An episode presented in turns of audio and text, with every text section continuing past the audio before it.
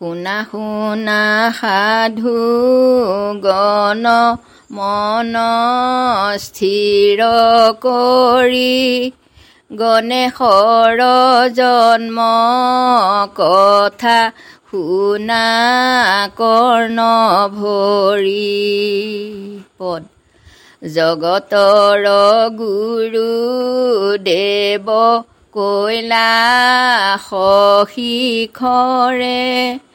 পুত্ৰৰ কাৰণে মগ্ন ভৱানী শংকৰে।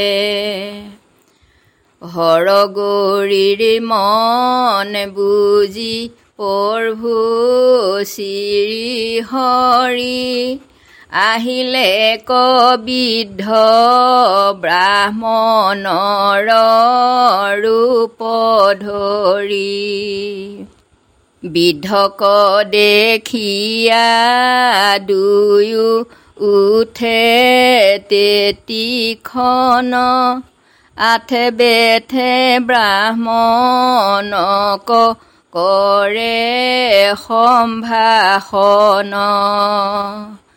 চিন্তা নকৰিবা দেৱী তোমাৰ মনত পুত্ৰৱতী হবা তুমি এহি সময়ত।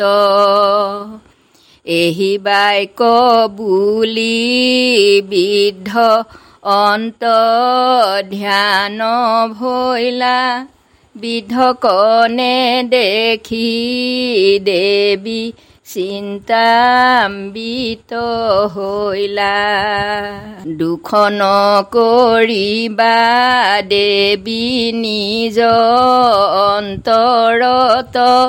অতি শীঘ্ৰে চোৱা গৈতো গৃহত। গৃহৰ ভিতৰতে তোমাৰ জন্মিছে নন্দন পুত্ৰতে যে জ্বলি আছে তোমাৰ ভৱন।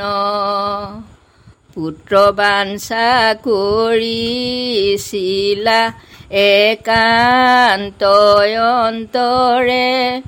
সেইফালে উপজিল পুত্ৰ তোমাৰ ঘৰে।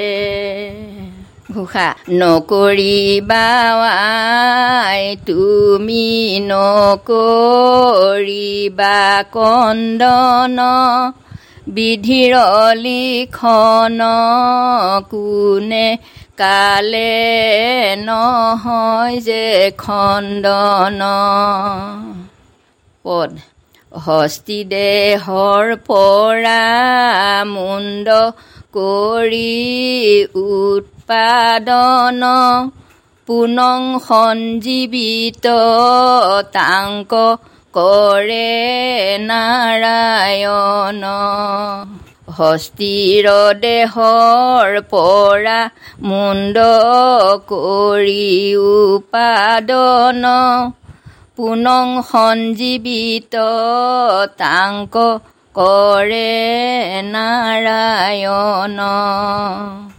গণেশক পায়া তুষ্ট যত দেৱগণ আনন্দে গণেশ পূজাৰ কৰে আয়োজন।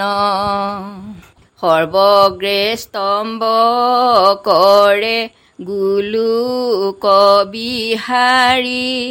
সিদ্ধি পদ তুমি দেৱ বিঘ্নি ৰাশি হাৰি ধৰ্মা ধৰ্ম সাক্ষী তুমি বিশ্বৰ কাৰণ। সৰ্বদেৱৰাগে হ'ব তোমাৰ পূজন। চুটপাঠে বন্ধা নাৰী পাব পুত্ৰ ধন বংশ বৃদ্ধি হ'ব তাৰ শাস্তৰ বচন গ্ৰহ পীড়া খন্দে আৰু ব্যাধি দূৰ হয়।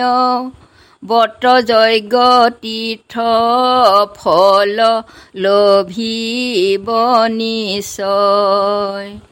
দুষা দুখন ধৰিবা দেৱ গণপতি তোমাৰ চৰণে পৰি মাগিছো ভকতি।